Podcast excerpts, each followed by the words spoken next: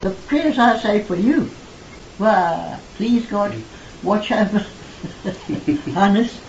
Please let him come. Please don't let anything happen to Hannes. Always glad to see him. Always. No, it's wonderful to see you. Good heavens, Wonderful, absolutely. And you, I really am delighted. Dus, dus waardeer ik geweldig.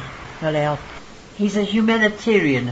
Listen here, if it wasn't for him and the boxes that he brings, when we had our empty shelves, there was nothing in this place. It was 2007 and 2008, going into 2009.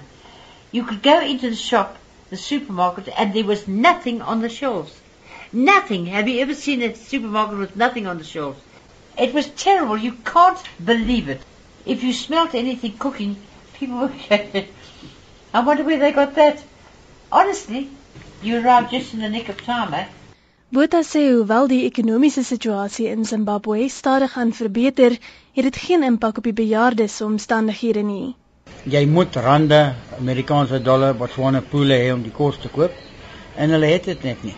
Al die mense wat eerlik was en hulle geld in Zimbabwe dollar gehou het, um, het alles verloor. Is daar spesifieke mense, spesifieke gevalle wat wat vir jou uitstaan of wat jou baie na in die hart lê?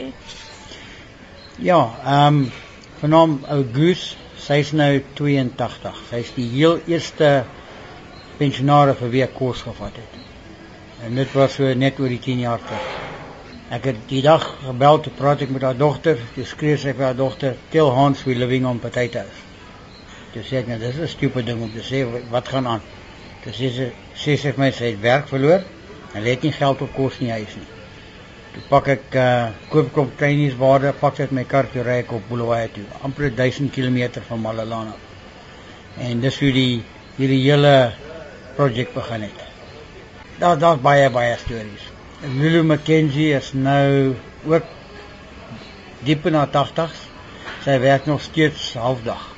Ou weer Slowak. Sy word 91 Junie maand. Haar kinders wou haar nie eens gaan sien nie. Haar kind toe ek vra een van haar seuns sê um jy weet your mother your mother's telling the matron every day she wishes her children will visit her for the last time to say if me there's not a hope in hell of that happening. We wanted to take her out 12 years ago. She chose to stay. She must she's made a bed. She must live in it. Jy weet dis hart dis hartseer stories ek het ook gesien waar die ouers baie trots is en hulle sal vir die kinders sê nee alles is oukei okay met ons, maar dit is nie. Julle fokus op wit ouerhuise. Hoekom? Dis my mense. Ehm um, ek fokus op die wit ouerhuise. Ek self is wit. Ehm um, daai mense, weet ek wil nie baie oor die politiek praat nie, maar daai mense het nie vir die oom gestem wat nou in beheer is nie. En daai mense het almal iets gedoen vir die land. Hulle het die land opgebou. Ehm um, soos ek sê dis want dit is my my dis my mense. In terme van donasies, ehm um, watse tipe donasies aanvaar julle en het julle nodig? Kyk wat vir ons die maklikste werk. Ehm um, ons is in ons werk vir Malalana. So dis baie ver van enige ander plek af. Die donasies wat beste vir ons werk is 'n uh, geldelike donasie. Ehm um, dan koop ons wat ons nodig het. Ons probeer in elke boks dieselfde sit. Ons pak so 640 bokse wat opgaan op die twee trokke. Wat ek ook net wil sê is ons is 'n uh, geregistreerde maatskappy.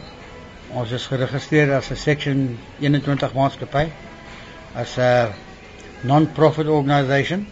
Wat ons doen dit dit, dit einde van die dag vat dit baie geld. Um, ek idee idee gee brandstofgebruik is so 2600 liters per trip. Uh, op die oomblik is dit 6 keer 'n jaar op toe. 'n Paar keer 'n jaar gaan ek op Johannesburg, Pretoria toe om te donasies op te laai met die trok en 'n paar keer af Durban toe. Ehm um, grenskostes is baie. Jy weet dis ons begroting is 1.5 miljoen rand in 'n jaar. Ja, um, dit wat ons nodig het om om ons werk te doen wat ons nou het.